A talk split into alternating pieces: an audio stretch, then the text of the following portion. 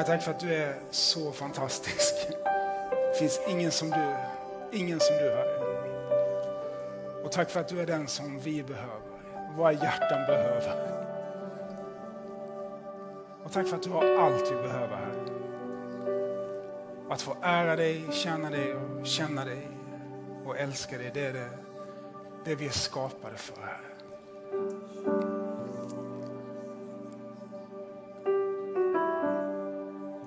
Så vi ber, gjut din ande över oss och öppna våra ögon och se dig ännu mer.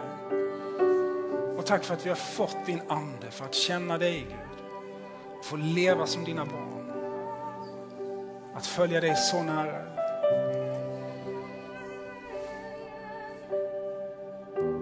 Och tack för att din ande, din smörjelse bryter oket. Det är du som gör det här. Tack för att det är så.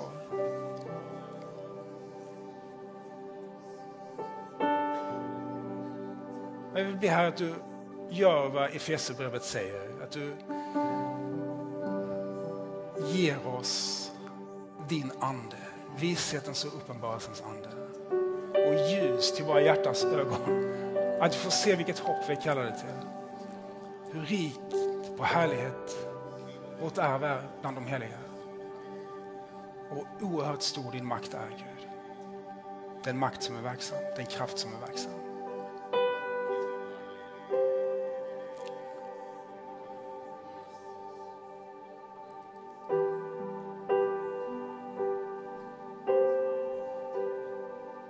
Så här, vi tackar dig för vad du gör i eh, den här konferensen, vad du gör i Norrland och i Sverige, i Örnsköldsvik.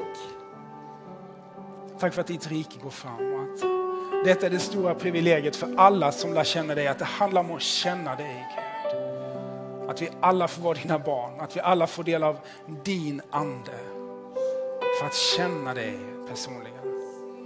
Och vi ber här om en andutgjutelse över våra liv och över eh, den här staden Örnsköldsvik, över Norrland, över Sverige. Vi ber om en, att du ger din ande Jesus.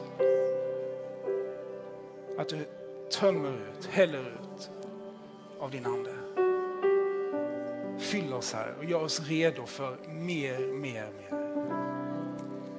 Vi älskar dig här och vi välsignar dig. Vi tackar dig för din godhet. Tackar dig för vad du gör, att du är här. Att du är så underbar. Vi tackar dig Herre, att du har makten. I Jesu namn. Amen.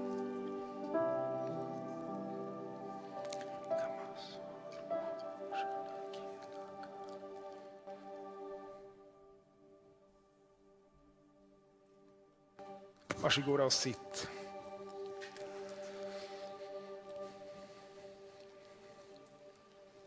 Det är så fantastiskt att lovsjunga Gud. Man kan ju knappt sluta.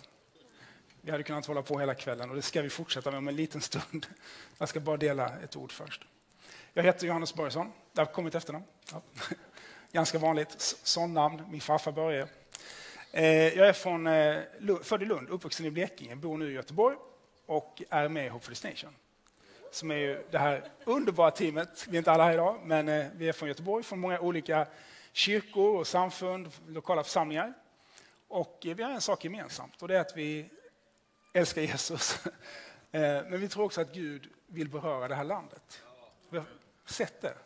Och vi åker runt i många olika sammanhang. Och vi trodde inte på det minsta sätt att det skulle bara vara genom oss eller något sånt där. Självklart inte. Det här är, det är för alla. Men vi tror det är en sån tid i Guds folk, en tid för den här nationen. Eh, och det vi gör, vi spenderar tid med Gud. Vi lovsjunger, det gör vi en gång i veckan i Göteborg. Och sen går vi ut och evangeliserar en gång i veckan i Göteborg. Eh, och kallar folk från olika sammanhang och vara med. Vem som vill får komma. Och sen åker vi runt på platser som här. Och det är en glädje att vara här i eh, hos er igen, Söderholmskyrkan och i Örnsköldsvik. Vi, det är tredje gången jag är här på ett, ett och ett halvt år nu. Jag börjar känna, känna mig som hemma. min, eh, min svåger är från Örnsköldsvik. Eh, pingst här nere. Eh, Thomas Lindahl, jag vet inte om någon känner honom. Men eh, han är gift med min syster, de bor nere i Lund. Så jag har en liten game med honom varje gång här uppe. Jag skickar bilder så ska han se vilken plats det är från. jag tänkte jag hade väldigt svårt. Jag berättade inte att jag skulle hit den här gången. Så jag tog en bild på någon stol på järnvägsstationen. Typ en parkbänk och på någon gran. Och så Han bara, ah, Örnsköldsvik, det är inte så svårt. och så skrev han vilka ställen det var. Så han kan er stad. Eller hans er stad tillsammans. Ja. Men jättekul att vara här. Jag märkte när jag kom upp nattåget i, eh, igår morse, det är så kort sedan, att eh, ni är så vänliga. Och det är ju folk i Göteborg också. Göteborg är en väldigt trevlig stad och många, alla platser på jorden är ju vänliga för dem, på ett sätt. men, men det var speciellt, måste jag ändå säga, att vid sjutiden när Espresso House öppnade och gå in där. Och, och det var bara en sån, det var liksom en familjär stämning. Så här, ja, ni, ni tar tid för varandra uppe på ett sätt och möter varandra. Det känns. Jag har märkt på andra ställen i Norrland också. Därmed inte sagt att vi inte gör det på andra platser, men ni, ni bär det verkligen. Det tycker jag är härligt. Eh, ja. Sen är det klart att inte alla människor vänliga på alla platser. det kan säkert hända otrevliga saker. Men ni, ni är, det är väldigt härligt att vara här uppe. Och vi är så tacksamma för er och er gästfrihet. Och, ja. Jättehärligt att vara i Svedjeholmskyrkan. Vi, vi vet inte hur många gånger vi kommenterar allt underbart som är här också med lokalerna och vad som händer här och utsikten. Och det, är, det är verkligen fantastiskt. Det är en sån välsignelse till den här staden och för oss. Ehm, jag tänkte dela ett ord idag som eh, jag vet inte riktigt vad man ska summera. Jag kanske kommer på en rubrik under tiden. Jag har inte en rubrik i huvudet faktiskt. Eh, men det handlar om, om att se. Och se vem, eh, vem Gud är. Jag nämnde när jag bad här uppe i Efesierbrevet 1. Vi kan gå till Efesierbrevet 1.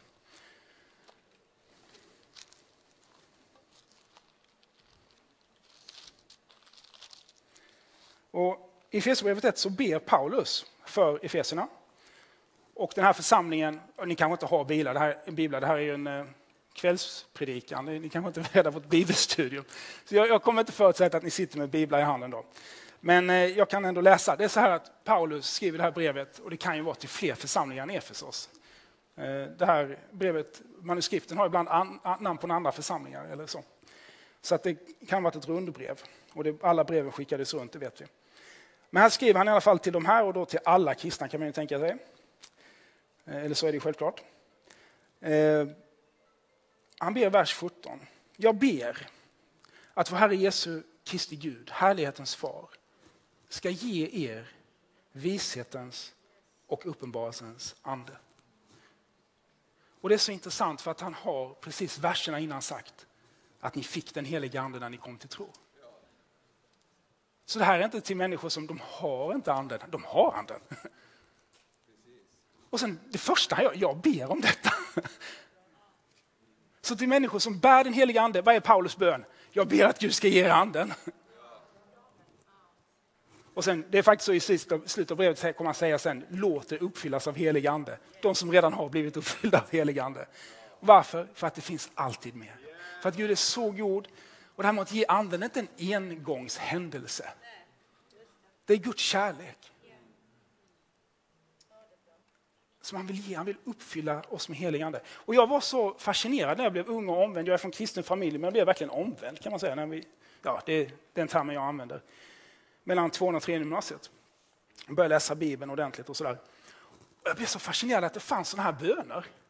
För jag där i min 18-åriga hjärna tänkte, vänta här, om Paulus ber om detta, då kanske det inte händer automatiskt. Hmm, om han ber om det så är det kanske saker som Gud vill ge som svar på bön.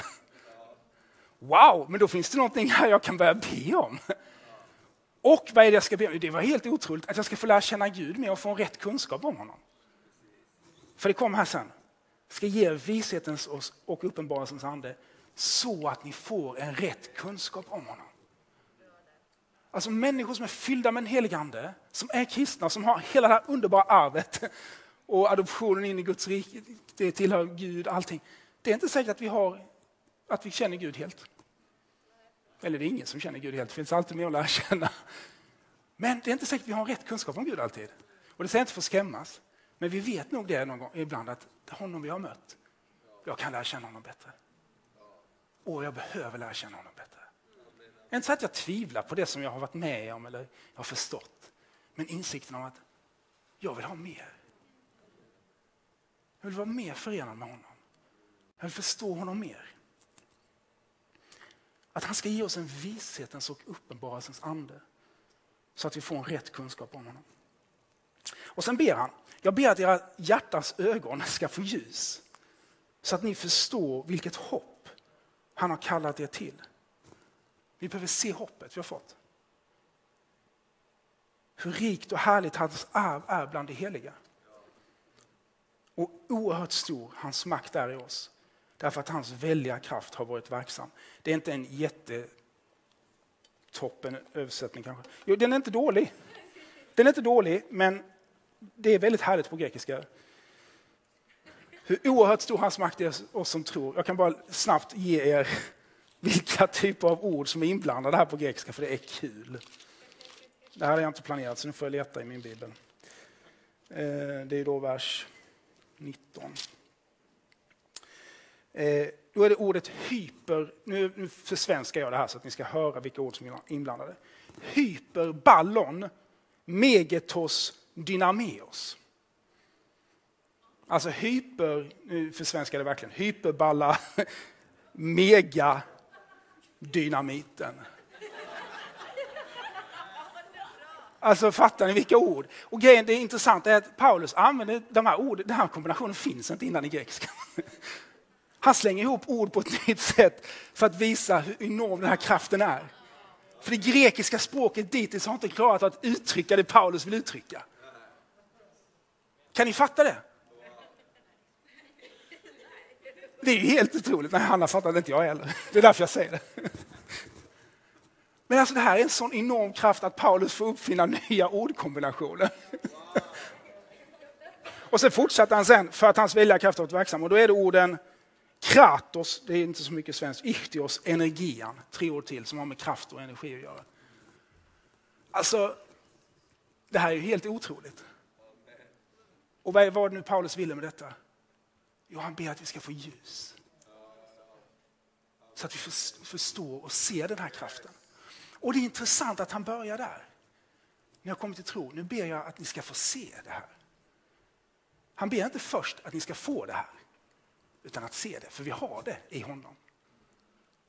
Sen är det faktiskt intressant att senare i kapitel 6 så kommer han be, bli, eller kan man säga till dem, bli nu starka i Herren och hans väldiga kraft. Och då tar han ett segment här som är exakt samma liksom ordkombination. Så det är både någonting vi kan se och något vi kan bli starka i. Eh, så det är inte bara liksom att vi behöver få öppnade ögon, men det är en viktig del av detta att se. Att börja se hur sanningen verkligen är. För det kan vara en stor skillnad på vad vi människor går omkring och tänker och känner och tycker och upplever och hur faktiskt Gud ser på saker och ting. Jag, kan, jag är så förvånad ibland när man möter den helige Ande. Och kommer med ett helt annat perspektiv. Har ni varit med om det här? Man tänker det är öken och så kommer Gud och säger nej det blommar.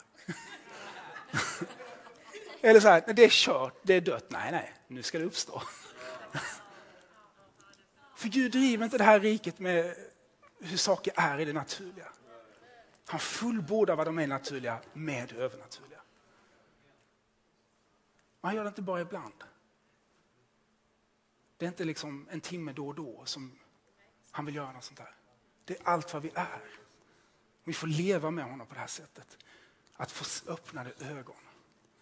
Det är inte för en, visst är det så att vi ibland får en glims och sen så ser vi inte. Så kan det absolut vara. Men han vill leda oss in i det här med sin ande.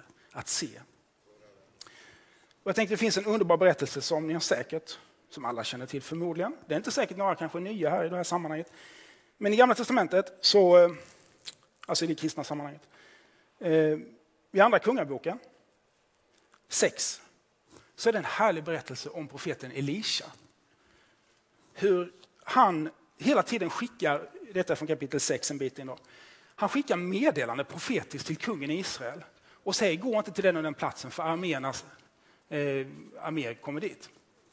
Så undvik det. Och då börjar Arams kung då, blev mycket oroad över det här, står det. Och säger, vem är det som är på andra sidan här i min grupp, i, mitt, eh, i min inre grupp här som är faktiskt med Israels kung? Nej, det är inte någon, säger hans närmaste då. Det är faktiskt så att de har en profet. som berättar allting du säger i din kammare för deras kung. Och då skickar de en armé till staden Dotan där Elisha håller till. Eh, och så står det och omringar hela staden, alltså omringar staden. Det är små städer på den tiden. Det är så intressant, bara parentes, men i Israel, alltså städerna på den här tiden var inte stora. De var stora som ett torg ungefär. Eller två torg kanske man jämför med. Ja, det är inga stora städer, så det är ganska lätt att omringa. Eh, men i alla fall, vissa städer kunde vara lite större, men normala städer är inte stora. Så den är helt omringad den här staden. Och så står det i vers 15. När gudsmannen tjänare tidigt på morgonen steg upp och gick ut, se, då hade en här med hästar och vagnar omringat staden. Tjänaren sa till gudsmannen, O min herre, vad ska vi ta oss till? Han svarade, var inte rädd. Det som är med oss är fler än det som är med dem. Så här har vi en tjänare som ser i det naturliga, som ser vad som naturligt finns där. Och vad som naturligt finns där, det är en stad som de bor i, som inte är stor, som är omringad av en armé. Och hans reaktion är, vad ska vi ta oss till? Det är en väldigt lämplig mänsklig reaktion i det läget, om man inte har hela bilden. Och då säger Elisa först, var inte rädd. Och så ger han anledningen till det. Det som är med oss är fler än det som är med dem. Med andra ord, du ser bara lite grann. Det finns mer här som du inte vet om. Verkligheten är mycket större. Och sen gör han någonting fantastiskt. Han ber. Och Elisa bad, Herre, öppna hans ögon så att han ser. Då öppnade Herren tjänarens ögon och han fick se att berget var fullt av hästar och vagnar av eld runt omkring Elisa. Det är inte konstigt att Elisa är trygg på morgonen. Att han kan säga var inte rädd, du ser inte allt, jag ser det här. Och han ser alltså en hel armé med eldhästar, eldvagnar runt om han själv som skyddar honom på hela berget. Och sen hände ett otroligt sak. Jag läser inte vidare här. Men eh, när de drar ner för att slå Elisa så ber, här, så ber Elisa en gång till och säger slå detta folk med blindhet. Då blir de helt blinda och förvirrade. Och sen säger Elisa till dem, ni, är på fel ställe. Det här är inte mannen ni söker. Eh, och så för han dem till Samaria istället. Och så går de till Samaria, då öppnas ögonen och då blir de ju livrädda. Då är de mitt i deras fiendes huvudstad. Men så får de lite mat och så får de gå hem. Så slutar det. En fridfull upplösning på situationen. Men poängen var att en man mot en armé. David sa, om arméer omringar mig så är jag ändå trygg. Psaltaren 27. För att han vet vem min Gud är. Och vi alla, alla som tror på Jesus är med i ett nytt förbund. Där vi faktiskt har mer än vad både David och Lisa hade. Faktiskt. Vi är samma Gud, jag säger inte att vi har något annat så. Men vi har ett förbund som är ännu mer fantastiskt. För vi är adopterade. Visst, Israels Gud, vår Gud, är deras far också. Alltså han var far till dem, men inte på samma sätt. När judarna själva ska beskriva den här tiden, varför kallas Gud vår far?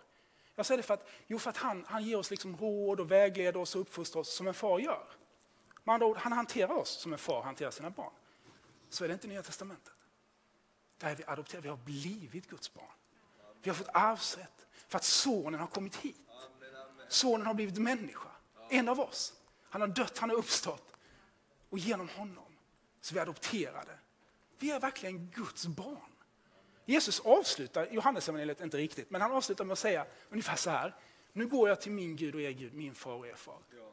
Alltså Guds egen son säger att precis som han är min Gud så är han er Gud. Precis som han är min far, inte exakt samma då, för han är ju Gud av naturen, vi har blivit adopterade. Men så är han er far. Som Fadern har älskat mig har han älskat er. Med samma kärlek. Jag tänker på det ganska ofta. Jesus säger med samma kärlek som han har älskat mig, har han älskat er. Så om du ska fråga dig någon gång, hur älskar dig av Gud? Lika mycket som han älskar Jesus. Så älskar jag då. Och han dog för dig. Och det finns i detta förbund så mycket som han vill ge. Han vill ge oss sin ande. Han vill uppenbara. Och han vill uppenbara mycket. Mitt 18-åriga jag där, eller ja, 18 var jag väl. Jag började be de här bönerna och tänkte det här är ju helt otroligt. Här finns det alltså löften, det finns möjlighet att börja be om saker som jag inte hör. Jag hade liksom inte hört att det här kunde man be om. Att få lära känna Gud bättre, få en verklig kunskap om Gud, få öppnade ögon och sådär. Men det går att börja be om det. Paulus ber om detta. För det finns mer att se. Och jag är fascinerad över, jag bara slänger in detta med, att Paulus använder ibland vissa verser som i Gamla Testamentet används för att säga att vi kan inte, knappt veta något om vad Gud vill. Liksom. Och så använder han sig, jo det kan vi visst det. Som det finns ett exempel i, eh, jag tror det är Jesaja 40. Vem kan vara Herrens rådgivare? Vem kan ge honom något råd? Och den frågan är ställd som, det finns ingen som kan ge Gud något råd. Och sen så i eh, Nya Testamentet så används det som, eh, säger men vi har Kristi sinne, är hans kommentar på det. Är ni med? Honom som ingen kan ge råd, han ger oss sitt sinne. Likadant den här versen, vad inget öga har sett, vad inget öra har hört och vad inget hjärta har kunnat ana. Det är liksom det som inte finns tillgängligt. Det har Gud visat oss genom anden. Och jag tror, för min egen erfarenhet, att, att se är ibland mycket viktigare än att göra mycket annat. Tänk tillbaka på den här Elisa och tjänaren. Jag menar, att inte se, vad kunde tjänaren hittat på? Han kunde inte på hur mycket som helst. Jag har ingen aning vad han skulle gjort i den situationen, men han hade inte haft rätt lösning i alla fall. Men att se, när vi får upp öppnade ögon, då händer det så mycket mer. För vi ser vad Gud gör, vi vet, han ger oss klarhet. Vad inget öga har sett, det har Gud visat oss genom sin ande. Han vill visa oss. Så jag, jag tänker ofta så här, jag, det är ju jättemånga gånger man är i situationer i livet där man inte ser, där man inte förstår, där man inte har ljus över någonting, där man inte anar. Nej, men ta ett steg tillbaka. Gud, öppna mina ögon. Ge mig vishet, insikt.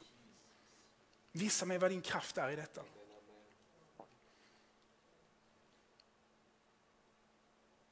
För det är ofta, tycker jag, som vi står inför situationer där vi är kraftlösa och inte ser vad vi ska göra. Men han vet. Och han, har, han, han kan visa. Han kan kasta ljus över allt. Eh, över alla situationer.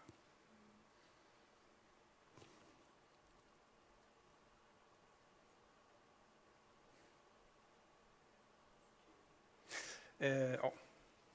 Kör jag på för snabbt eller? Är det... Ni blev så tysta. Ehm. vi kan gå till Jesaja 61. Eller ja, det skulle jag inte sagt förresten, det var en hemlighet. Ja, jag tänkte köra en liten grej först bara. Ja, jag ska förklara det här.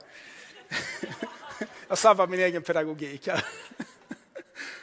Jag tänkte säga så här. Det finns, där den heliga ande verkar, det har att göra med det här också, att vad vi ser, vad vi har, våra begränsade förmågor är inte allt.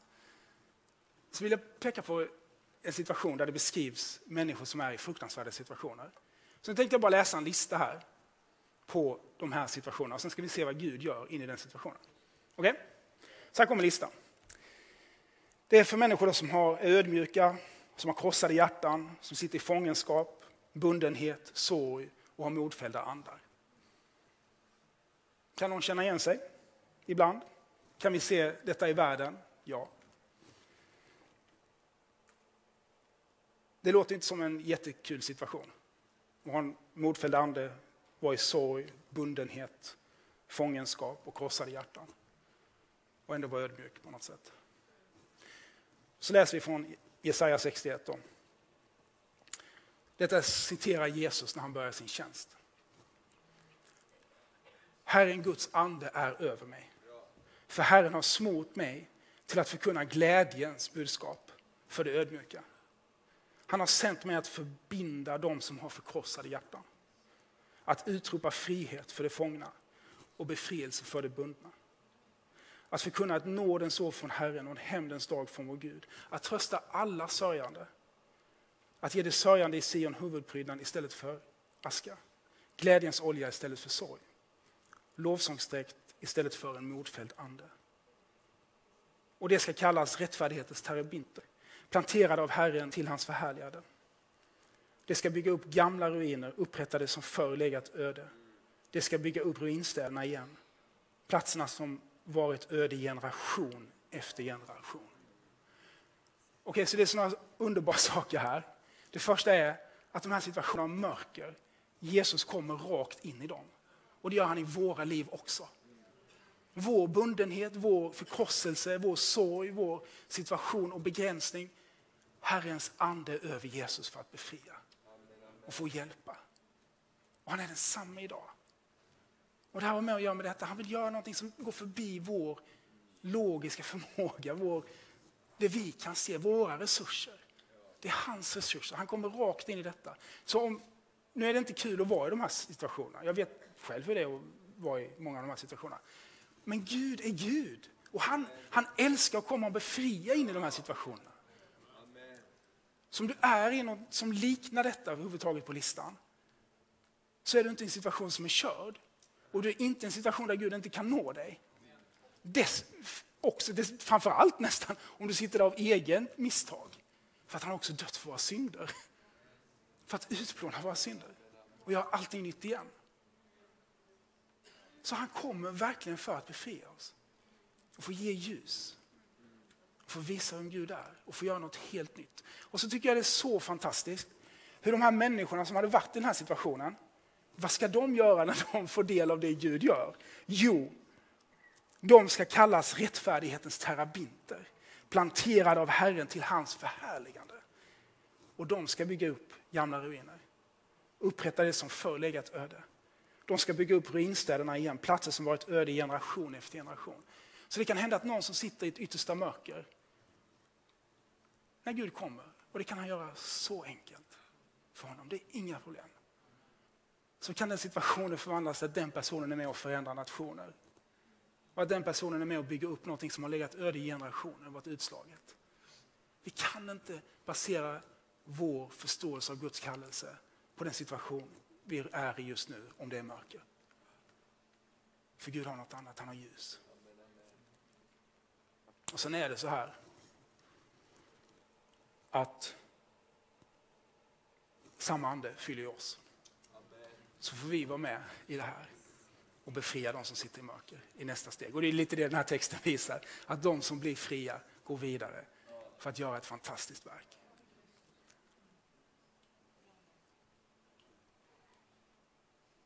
Och jag tror, jag tror verkligen att det är en tid för det är det alltid, en tid för Gud att göra underbara ting. Men det är verkligen en sån tid nu. Speciellt, vi upplever det när vi åker runt i det här landet, hur Gud gör saker. Hur saker intensifieras. På plats efter plats vi kommer till så är det, möter vi människor som alla säger samma sak. Att det är någonting på gång. Gud gör någonting. Och jag tror verkligen Gud vill möta in i den här situationen där vi är. Upprätta hela, öppna våra ögon och peka framåt mot det som kommer. Att vi verkligen får se tillsammans med Elisa och hans tjänare, se hur verkligheten verkligen är. Med öppna ögon. Den är helt annorlunda än vad vi gör den till när vi är modlösa och rädda.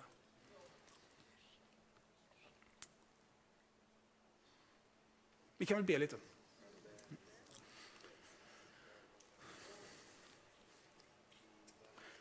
Herre, tack för din heliga Ande. Tack för att du kommer med, med dig själv, med frihet på ett sätt som är helt otroligt. Att du visar saker som vi, ja, som vi inte ens kunde veta för att inget hjärta hade kunnat ana det. Inget öga hade kunnat se det, ingen, inget öra hade hört det.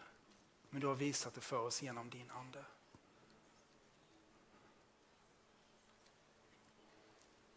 Tack för att din godhet kommer och upprättar. Och här vi vet inte ibland vad vägen ut är.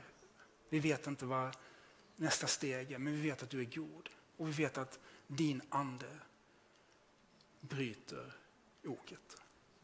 Vi vet att din smörjelse gör det.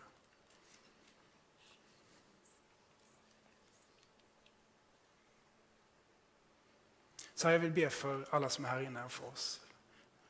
Att vi eh, att du bara får fortsätta visa dig själv. Att vi får mer av din heliga ande. En vishetens och uppenbarelsens ande så att vi får en rätt kunskap om dig. Att få känna dig mer och bättre. Att få leva i ditt ljus. Att vi får se allt det underbara du har gett oss. Det hopp du har kallat oss till, det arv du har gett oss och den otroliga kraft som är verksam i oss. Som det inte ens finns ord för när Paulus ska beskriva den. Att vi får se den och sen bli starka i den och leva i den. Så låt oss här få i den här tiden komma med alla våra bördor, våra böner, vår längtan och allt vad vi har till dig. Och jag ber att du ska möta på ett sätt som inte ens går att beskriva. Och vi väntar här, vi gör som apostlarna, de väntade på ditt löfte och ditt löfte kom. Ditt löfte kommer alltid. Så vi väntar på din heliga Ande Gud. Och vi tackar dig för vad du vill göra i det här landet, i våra liv och i den här staden. Och herre, låt oss vänta på dig verkligen så att vi hör dig. Jag skulle vilja göra två inbjudningar, bara be för två speciella saker. Eh, det ena är först fall det är någon som är i en behov där man känner just att jag behöver öppnade ögon. Jag behöver se någonting jag inte ser, vad Gud gör. Eh, så om vi gör så här, att vi bara sluter ögonen. Det här är för allas respekt för alla, att vi ingen ser. Jag kommer se för jag kommer be. Men eh, så, att vi sluter ögonen. Så frågar jag, är det någon som vill ha bön för detta, att få öppnade ögon i en situation eller i den situation jag är nu? Så får ni gärna räcka upp handen. Behöver se någonting ni inte ser. Det är många händer. Så vi börjar med att be för det. Vi kan be också tillsammans för detta. Herre, vi ber om öppnade ögon. Vi tackar dig för att du har gett oss exemplet genom profeten Elisha. Han sa öppna våra ögon. Och vi ber att du ikväll här ska öppna våra ögon genom din ande. Att du ska ge våra hjärtas ögon ljus. Så att vi förstår allt du vill visa här. Och vi ber verkligen om ljus. Vi vill inte springa före dig eller eh, göra saker du inte gör. Så låt oss få, få vänta och se vad du visar, Herre. Och vi vill verkligen veta vad du säger. Så jag ber om ljus för alla de som behöver ljus i något område just nu. I Jesu namn om öppnade ögon. Jag ber att du ska ge från din ande allt vad som behövs. Till och med sända änglar, drömmar, profetiska budskap. Och bara en, en förståelse rakt in i hjärtat. Det är så här det är. Tack Jesus för att du ger ljus. Tack. Och det andra jag skulle vilja se om det är någon som vill ha förbön för, så är det de här situationerna som kan vara så mörka, där den heliga ande behöver komma och ge frihet på något sätt, förbinda sår, ge hopp. Så vi kan återigen blunda och ingen ser. Så ställer jag frågan, är det någon som vill ha förbön in i detta? Jag kommer inte kalla ut någon och så vidare. Det finns några händer här, absolut. Flera händer. Vi ber för detta tillsammans. Herre, tack för mina bröder och systrar som vill ha förbön för det här. Och Herre, jag ber dig om allt vad du vill göra i deras liv, Gud. Jag ber om ljus och hopp. Eh, jag ber om din helige Ande. Tala vad du säger. Inte vad de här situationerna verkar säga. Eller ens vad fienden vill säga. Men bara vad du säger, Herre. Och din godhet, ditt hopp. Och kom med en sån befrielse genom din Ande andas en helt ny situation så att öken blommar och att allt vänder. Och att den frihet som Jesaja 61 talar om får komma över mina bröder och systrar. Jag ber om det i Jesu namn. Gör dina mirakler här. I Jesu namn. Amen. Vi ska få gå in i lovsång igen. Och eh, det finns möjlighet till förbön. Vi ska söka Gud tillsammans och bara ära honom, vara hans närvaro. Men det finns alltså möjlighet att komma på förbön. Och, eh, har vi några ord som ska delas här ikväll? Ska jag titta i telefonen? Mm. Jag ska kolla i min telefon. Här. Det är ju väldigt smidigt nu för tiden att man kan göra det. Mm. Det finns kunskapens ord. Eh, vad underbart, tack för det budskapet. Eh, just det, det här minns jag nu. Eh, det finns eh, det finns ett ord här som ni får se om det här stämmer då, med tänder, problem, smärta på något sätt med tänderna. Och sen är det någon som har fått en, en bild av den här örontrumpeten. Det är liksom det, örat har ju en gång som går in och så är det massa små känsliga organ där och sen går det som en gång djupare ner så, den där sista. Det var någon som såg den specifikt som ett problem. Men det kan också bara vara kanske örat. Så. Men vi, eh, vi, vi sänder med dem. Om det gäller er så är ni välkomna på förbön. Är det Dags att lovsjunga. Ja. Jag vet inte mer vad jag ska säga. Vi ber. Herre, kommer din heliga Ande. Och tack för att vi får vara med dig. Vi vill ära dig för du är så underbar. Gör, gör det du vill göra här i våra liv ikväll. I Jesu namn. Amen.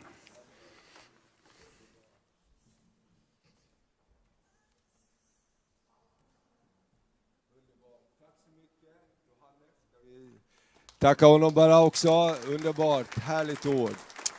Så bra. Jag tänker nu också när vi går in i förbön så kommer vi att ha förebedjare här uppe på sidan. Så kan du gå dit och få förbön för de här olika sakerna. Johannes är där och flera andra också av förebedjarna. Så tar vi en stund och betjänar. Och eh, vet här, många kommer från lite olika platser också i Norrland. Det är jättehärligt att du har kommit hit och sökt Gud tillsammans med oss. Och vi tror också att det här vi gör, det, det har vi en, en, ett rop och en längtan i våra hjärtan. Att det bara ska få sprida sig.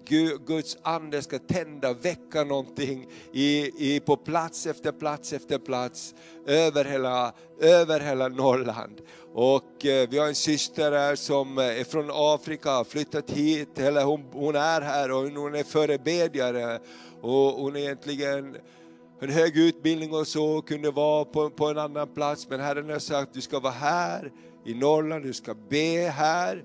Hon har sagt, men jag vill åka någon annanstans. Och Herren säger, du ska vara här, du ska be här. Herren har talat, jag vill beröra landet, jag vill sända väckelse från norr över Sverige. Det har kommit gång på gång profetiska ord. Och hon säger, det är inte den, den mest liksom lättaste och roligaste platsen att vara på. Liksom. Det är inte så här tjo och tjim överallt, men Gud har sagt, var här och be. Och jag tänker om Gud skickar människor från andra sidan jordklotet att vara med och be i norra Sverige, hur mycket mer ska inte vi som bor här då vara med och be och ropa till Gud? Och, och jag menar Gud, Gud, vi är en Gud av välsignelse. Så låt oss ställa oss upp och prisa Gud och givetvis får du sitta om du vill, det är därför vi har stolar, men det är lättare att prisa Gud om man står också. Och så har vi en rörelse här, du som önskar förbön går till förbön. Amen.